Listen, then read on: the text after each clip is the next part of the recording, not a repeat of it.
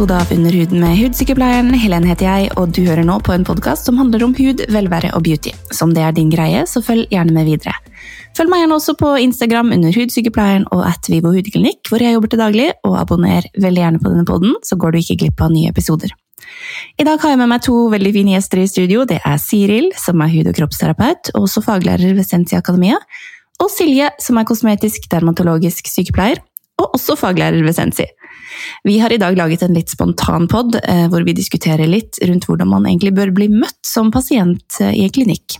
Og Silje har funnet en annonse for Botox-plaster som ikke går helt ubemerket hen.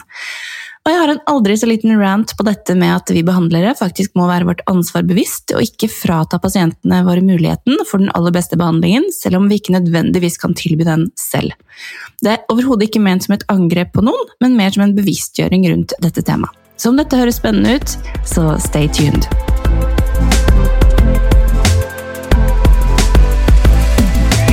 Velkommen da, dere!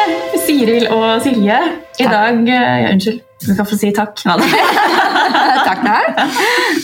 I dag skal vi jo bare kose oss litt og prate litt om hva som rører seg i bransjen, og ja, hva vi har funnet på siden sist. holdt jeg på å si. Siril, du Mhm. er jo lærer her eh, på Sensi Akademi, hvor vi alle jobber. Ja. Det her er faktisk lunsjpausen vår, folkens. Nå kommer vi i lunsjen for å gi dere underholdning på en torsdag morgen. Ja. Ja, Silje, du har jo vært med før. Ja. Du er min litt sånn faste sparringspartner når det gjelder å, å snakke litt om bransjen generelt. ja, nå er det lenge siden jeg har vært hos deg. Ja, Ja, savna deg. Ja, savna deg, ja. ja. ja. Er det når man har 100 baller i lufta Ja. har man ikke tid til noen ting. Nei. Nei, det Men, men. blir litt sånn. Sånn blir det. Man må bare ta seg tid til å sette seg ned noen ganger. Ja. Men jeg husker, altså I går så snakket vi jo litt om det her med at um, det er så mye rart som skjer rundt omkring i klinikker. Mm. Og begge to av oss har jo kunder som kommer og bare Oi, her var det hyggelig, her ble man tatt seriøst, og her eh, følte jeg at du satte av tid til meg. Så tenker jeg, men i alle dager, gjør det ikke alle det. Er det ikke sånn det skal være? Jo, Mm. nettopp. Mm. Men det er det tydeligvis ikke det. Nei. Du hadde litt erfaringer rundt det. Ja, eh, jeg også opplever det samme som det du sier, med at eh, mange som forteller meg at de på en måte ikke minst blir forklart veldig nøye som, hvilke altså, anbefaler hvilke behandlinger de skal gjøre ut ifra eh, indikasjoner og sånne ting. Men eh, også har jeg vært pasient selv en gang. Ja, det. og det syns jeg var Det er ikke sånn jeg jobber, men jeg vet Nei. ikke om jeg bare var uheldig eller hva det var. Men jeg opplevde ikke å få noe sånn tillit til min behandler. Nei. Eh, ikke? Nei, blei liksom ikke noe godt uh, mottatt. Nei. Jeg blei satt på et eget rom eh, alene, alene. Ja. Hvor jeg da skulle fylle ut et skjema, samtykkeskjema i forhold til behandlingen jeg skulle gjøre. Uh, Å skrive under på det var ikke, Ingenting ble tatt muntlig. Så satt jeg der og med bedøvelse og sånne ting, og så kom behandler inn, og så gjorde hun det hun skulle. Og det Ja. tok det fem minutter, jeg. Og så var det ha det bra. Og det var ikke noe informasjon om hva jeg må være veldig obs på etter behandlingen. Og dette var en behandling hvor det gjerne kan oppstå litt komplikasjoner, som det er kjempeviktig at pasientene vet om. Mm. Hva de skal se etter av tegn. Eh, og ikke minst at eh, de får eh, et telefonnummer som de kan kontakte. For det, det kan jo oppstå ting på kveldene, på natten. Ja. Eh, Så de har mulighet til å ta kontakt med sin behandler, og det fikk jeg heller ikke. Så heldigvis gikk det bra, men det er klart det er jo ikke alle tilfeller det går, går bra. Nei. Men jeg tenker, altså Her i Norge så, så vet man ikke helt hva man skal kunne forvente. og Vi, vi lever jo, som doktor Karim sa en gang, i et, et samfunn med høy grad av tillit. Som, så man stiller kanskje ikke så mye spørsmålstegn rundt ting. Nei. Men jeg tenker at tenker jeg også at det er så ekstremt viktig, da, uansett hvilken setting man er i, om Mm. det er å kjøpe en genser, om det er Mm. å være hos en behandler, at man blir hørt og sett. Ja. For selv om det er et veldig sånn travelt samfunn, så vil jo alle veldig gjerne bli sett. Så en ting er å skrive noe i et skjema og uttrykke noe der, men kanskje ikke man klarer å notere det på samme måte som man, når man sier det. da. Nei. Sånn at det, det føles jo helt veldig kaldt. Mm. ja, Eh, så Et minstekrav må jo være å snakke og ha en dialog. Eh, Absolutt. Ja.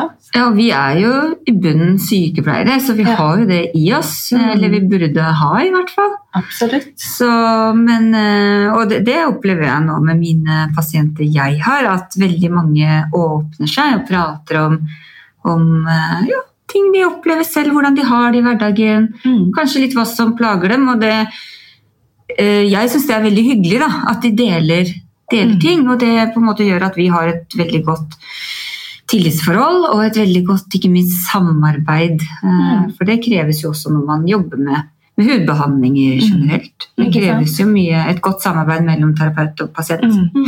Og det skal man kunne forvente. Ja. Altså, så, så sånn for å summere opp, da, når du kommer til en klinikk, så burde du bli møtt ordentlig. Du burde, burde få et skjema eller to, eller i hvert fall noe informasjon om hva du skal gjøre. Og ha en samtale med terapeuten før noen i hvert fall, hvert fall kommer med en nål og skal stikke deg. Ja. Det det, tenker jeg, det handler også litt om i forhold til for å vite hva slags tilstand pasienten er i. Altså, Ja. vi, er jo, vi ser jo at det er mange ulike typer pasienter som kanskje har andre utfordringer enn det de kommer til deg for. sånn at For at man skal få et godt forhold til pasienten også, så tenker jeg det er kjempeviktig. Mm. Både med den, det reseptarket eller den helseskjemaet, men, men også med den gode praten. Da. Mm. Ikke sant? Mm. Og det gjelder jo like mye sykepleiere som, som hudpleiere også. Ja, ja, ja. Absolutt. Uansett hvilken behandling man skal gjøre. Ja, jeg. ja, enig med deg i det. Altså. Og det er som du sa. Silje, med, med informasjon i etterkant og gjerne en hyggelig samtale da, under Ja. behandlingen. At man liksom føler at man er hos noen man kan Mm. spare litt med.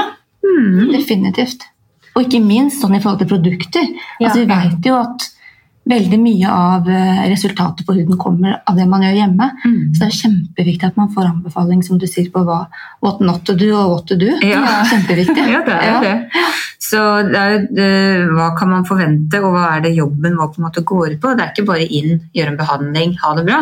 Nei. Det er så innmari mye mer eh, enn det. Eh, man skal eh, følge opp etterpå også. Ja. Og lage en behandlingsplan og gjøre alt det man kan for at pasienten oppnår best mulig resultat. Mm. Så ja, det er veldig mye. Det Og journalskriving. Det er hos mange. Ja. fader. det, det vil jeg tro. Ja. Ja, egentlig. Dessverre. Vi er jo egentlig pliktet til, å skrive, så det Ja. Og pasienten har faktisk uh, rett til innsikt i egen journal også. Mhm, Og det er jo Ja, mhm. det skal man jo ha litt i mente også når man skriver journal, og, og ikke minst for at, at når pasienten kommer tilbake at du, faktisk, du kan jo ikke huske 1000 personer. Du må Nei, jo nei. ha et sted å skrive ned Mm. hva du har gjort, Mm. og sånn at du kanskje kan gjøre det samme igjen Ja. sant? hvis pasienten syns det var ålreit. Mm. Eller hvis, det er noe, ja. Eller hvis det er noe de kanskje ikke likte, eller sånn, så ser man ok, da gjorde jeg det, det forandrer jeg på det. Altså, Ja. det er så, Så når jeg skriver opp de minste ting bare pasienten syns jeg gjorde litt ekstra vondt i dag. Eller Ja. nåledybden, ikke sant? Mm. Nydelig på.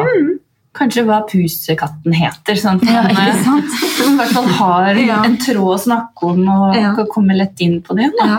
Ja. for det er umulig å huske alle sammen. Det, det går ikke. Nei, det går ikke, dessverre. Jeg skulle gjerne gjort det. Men jeg Ja. husker liksom ansiktet på folk, men ikke navnet alltid. nei. Nei. Men man vet jo det sjøl, hvis noen kjenner deg igjen, eller hvis noen husker hva katta heter eller bikkja heter. Mm. Så er det sånn 'Å du husker meg'. Ja. Liksom. Jeg er ekstra spesiell. Og, det er det Og da vil jeg ønsker. Komme tilbake til Helene, for Ja. hun huska Og skrive Ja, litt om hvordan de på en måte har det òg, i forhold til eh, om de har hatt en tøff tid. da. Mm. mm. Og så hvordan har du det nå? Mm. Hvordan går det nå? Mm. Og bare det lille ekstra der det er så viktig. Mm. Det handler jo ikke om å være falsk på noen måte. Nei, det bare nei, nei, nei. om å kunne huske en person eh, for den de er. da. Mm. Ja, ja. Rett og slett. Rett og slett. Ja.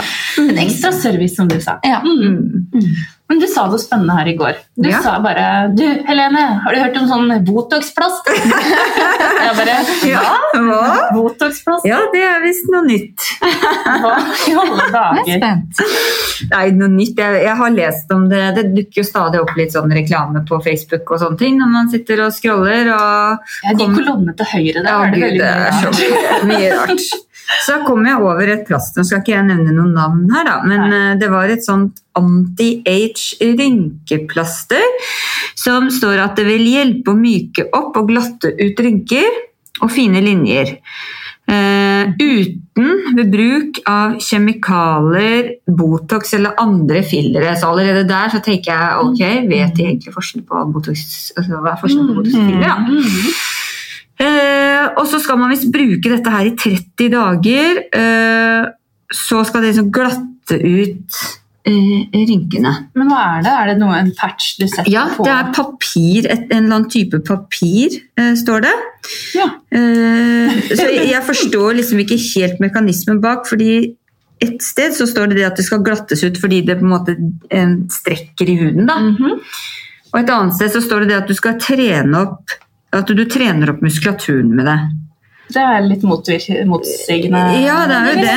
Når vi har muskler som faktisk drar i huden hele dagen. Vi, det er jo det vi på en måte prøver å redusere, da. For jeg husker jeg har sett Jeg vet ikke helt hvor det var, men det var noen damer som hadde sånne store patches de satt på dekollettet, Mm. sånn området mellom Jeg brystene og halsen, holdt jeg på si, som liksom gjorde at det lå i strekk, at ikke puppene bretta Ja, seg når man mm, lå på sånn, siden. liksom. Mm. At det holdt huden liksom plump og fin. Men jeg tenker, man kan jo ikke ha en sånn i hele ansiktet, og det vil jo feste til huden. liksom.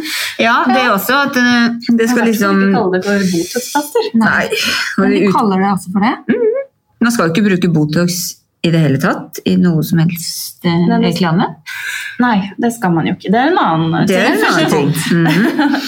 Så, men eh, det, det er jo veldig eh, motsigende dette her. Pluss at det står liksom De blander veldig Botox og filler. Ja. Så jeg tror ikke de helt forstår mekanismen bak Botox og filler i utgangspunktet. Og vi, er jo, vi tar jo på en måte alt eh, Hva heter det? Ikke for god fisk. Eh, det vi ser av reklame og sånn. Man må kanskje tenke litt gjennom eh, Kan dette produktet holde det det lover? Nei. Nei, ja, det ville jeg jo sagt nei til. Da. Ja. Jeg ville sagt det. Eh, og så er det natur... Altså det står at det er laget av spesialpapir. Dekstrin, okay. som er mais-basert klebestoff.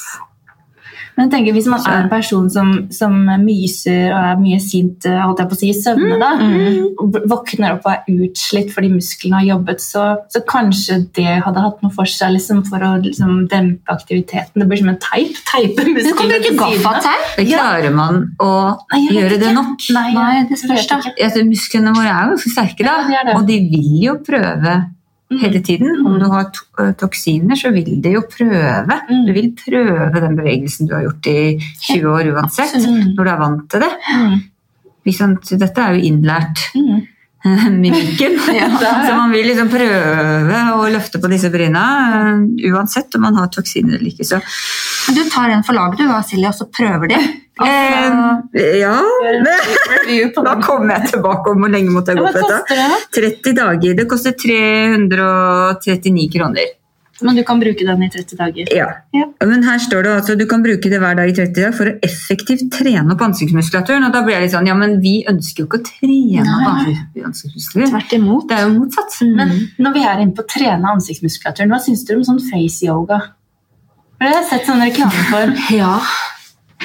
Eh, Da må du snakke med deg som gjør Ja. yoga. Jeg gjør ikke yoga i det. Nei, jeg gjør ikke så mye yoga i ansiktet, det må jeg være ærlig innrømme. Men jeg har jo sett at eh, det er en del som gjør det. Ja. Og jeg må si jeg er litt usikker hva jeg tenker. Mm. For det første så ser det veldig rart ut. Det er det er. Men, eh, men om det har noe effekt, jeg vet ikke. Nei. Det, det kan være at for de som har mye spenninger, de som vi snakker om, og som har mye spenninger i kjeve og i, i panne osv., at de på en måte får føler at de virkelig får Nå sitter jeg her og Ja, gjør ja. det sjøl. Eh, at de føler at de får en avslapning i etterkant. Men Ja, for da blir det mer stretching. Det ja, det er jo det det blir. det blir jo det. Ja, At de på en måte strekker og beveger ansiktet. da. Ja. Men um, jeg har ikke noe erfaring med det sjøl. Altså. Det har jeg ikke.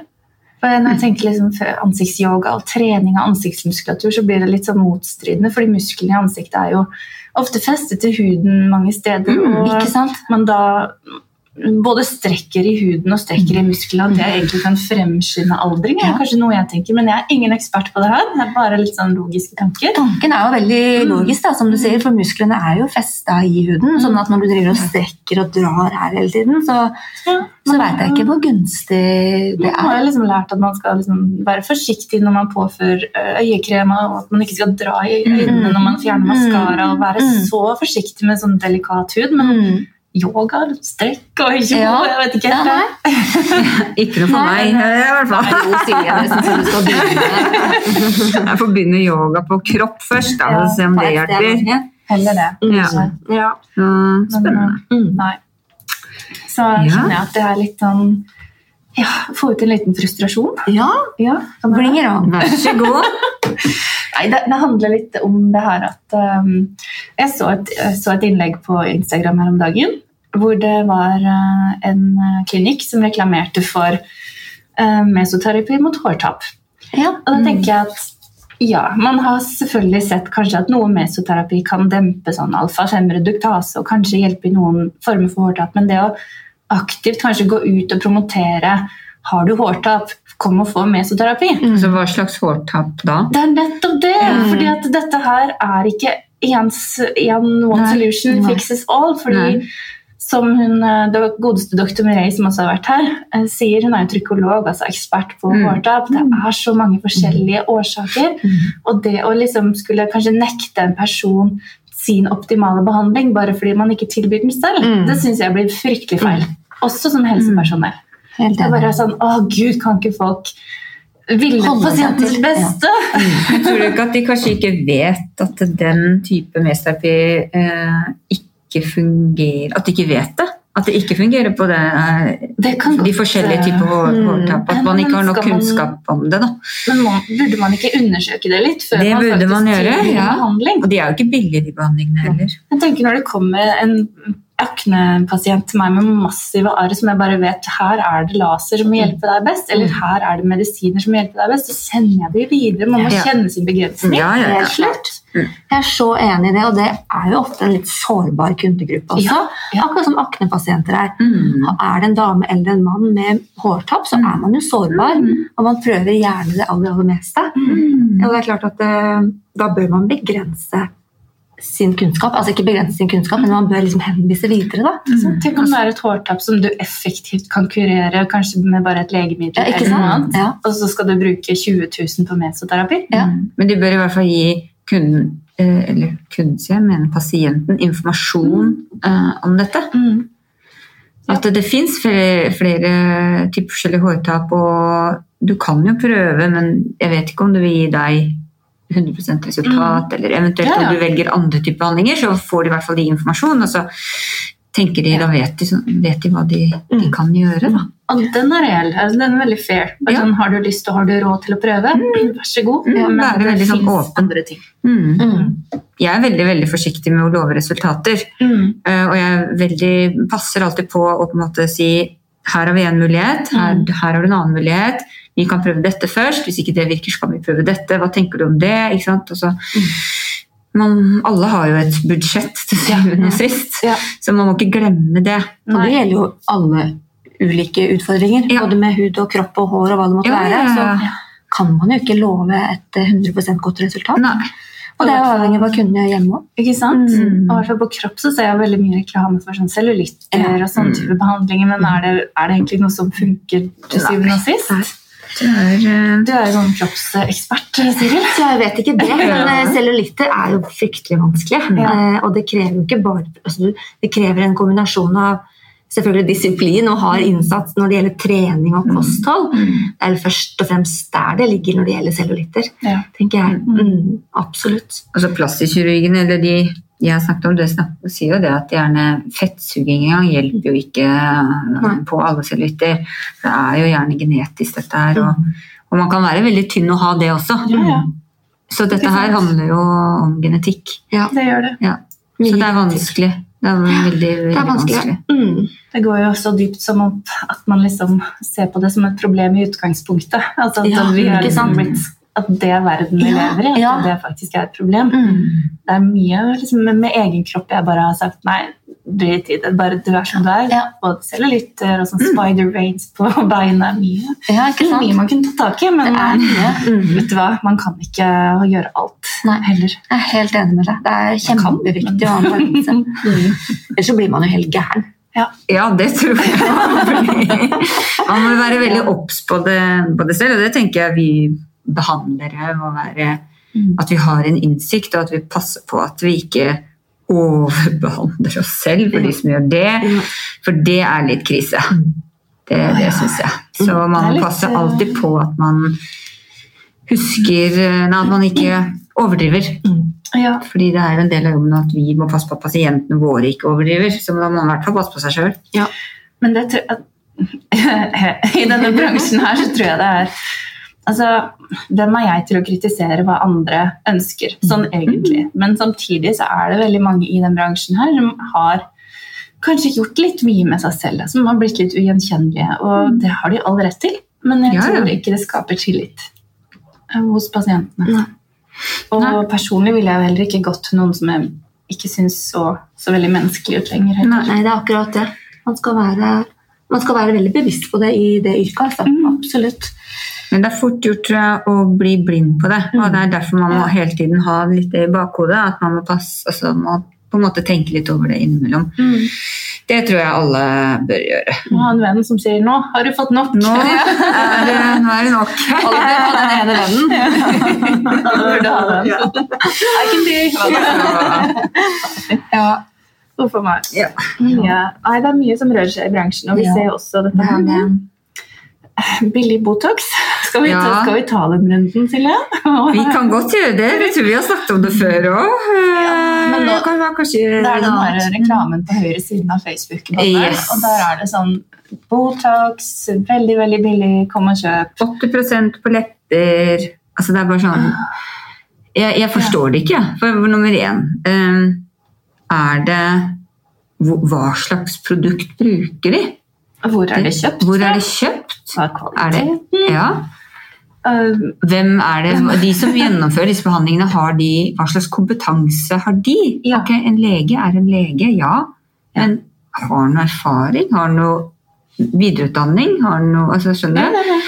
Nei. Kompetanse innenfor ikke bare hvordan man i praksis gjør ting, men også det estetiske blikket Mm. som vi bruker tid på å tilegne oss, for det tar litt tid.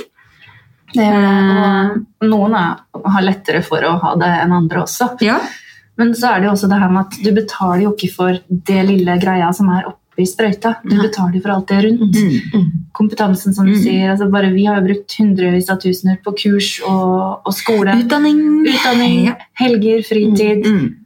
Eh, Offret mye, og det er jo egentlig det man betaler for. Ja. At, at behandleren sin er så kompetent som mulig, Mm. og ikke for den ene milliliteren med filler.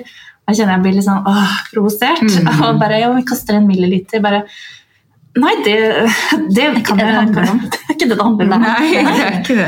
Det, det er nesten som å spørre ja, hvor mye er du verdt som eh, Mm. behandler. Og være sånn Nei, men, nei, men det blir, Vi kan ikke sove på det. Liksom. Det er sånn bare, nei, Jeg setter min verdi til at min tid er verdt så mye. Ja, og kompetansen og din. kompetansen. Ja, absolutt. Og det skal man verdsette ganske høyt. Ja. Uh, og det er eh, Nei, det, jeg, blir, jeg får vondt i magen når jeg ser sånne ting. Altså, jeg blir helt uh, paff. Og jeg tror veldig mange, heldigvis de aller fleste av oss i bransjen, er enig i det. Ja. Men så er det noen få som Som syns det er veldig fint å sitte på brun og blid innerst i et kontor og ta imot Det er jo helt krise. Leger, faktisk. Det, jeg, jeg visste ikke om det. Jeg følte du sa det. Jeg var, Herregud, skjer det? Nå sitter de og er frustrerte her. Ja. Sitter med armene i kryss og ser veldig sinne ut. Man må bare lufte det litt, Ja. jeg tror faktisk det, det er litt eh, skummelt og risky. Og som du sa innledningsvis også, har man ikke et telefonnummer man kan ringe Mm. etter en injeksjonsbehandling, så er det et dårlig tegn. Ja. Da er det faktisk ikke verdt at du bare betalte 500 kroner Nei. for det. Jeg hørte var en behandler som sa en gang ja, dette er lenge siden det også, men hun sa det at nei, hun ga ikke telefonnummeret sitt til pasientene fordi hun orket ikke så mye henvendelser. Nei. Og jeg tenker ok, Får du mye henvendelser, da har du først og fremst gjort en Mm. dårlig jobb i Ja. forkant Mm. med informasjon, med selve behandlingen, med hva hun skal gjøre etterpå. Gir man god informasjon, så slipper man det. Mm. Og eh, for det andre, hva hvis det oppstår en komplikasjon? Du, ikke, du må jo passe på at pasientene sier ifra. At ikke de går med den komplikasjonen over flere dager, og at det blir enda verre. Og til slutt så er det kanskje ikke noe man kan reversere. Det er jo helt krise. Og spesielt å regne med du tenker på liksom fillerkomplikasjoner, Ja, hvor, hvor et blod som skal et sted, blir Mm, blokkert, og vev dør. Mm, Rett Det er kjempefarlig. Ja.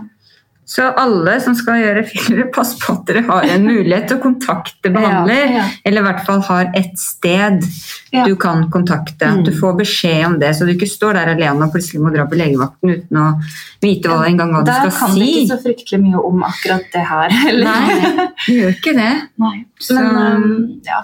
Nei. Ja, Ja. Så det var det. Dagens, dagens Dagens ordentale. Og vi har, vi har vært inne på dette med omreisende behandlere før. Om at det heller kanskje kan være en dårlig idé. da. Um, og det er ikke prisen det skal, burde gå på. Gjør litt research på personen man, man skal til. Og Ja. det, er jo, det er jo ikke lov å legge ut før- og etterbilder sånn egentlig. Noen gjør det litt for det, uh, men egentlig ikke. Egentlig Så det er vanskelig egentlig for sånn forbrukere å finne der. Mm. informasjon. Men nå i januar så skal jo både fillerbehandling og Botox bli momsbelagt. Det kan jo gjøre at um, prisgapet blir enda større. Mm. Men det kan også gjøre at de useriøse behandlerne blir litt luket ut fordi man må eh, momse av det. At det blir en dyrere behandling å tilby. Ja, absolutt. Ja. Ja, det Det blir spennende å se. Ja. Mm. For det er klart, man kan ikke Man kan ikke selge det for en slik og ingenting. For det er jo Det er jo eh, Hva skal man si? Lønnen lønnen. Det er jobben vår, er lønna og det man lever av. Og det er jo en tjeneste som strengt talt ikke er livsnødvendig, så har man ikke bruk for det eller råd til det, så la det være, da. Ja. Ja. Ja.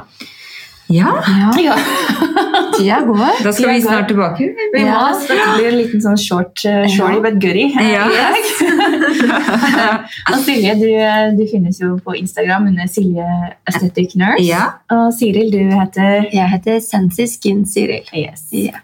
Og jeg heter jo hudsykepleier. Meg finner du også på Instagram og Facebook. Og gjør gjerne Trykk på den abonner-knappen. Da blir jeg veldig glad.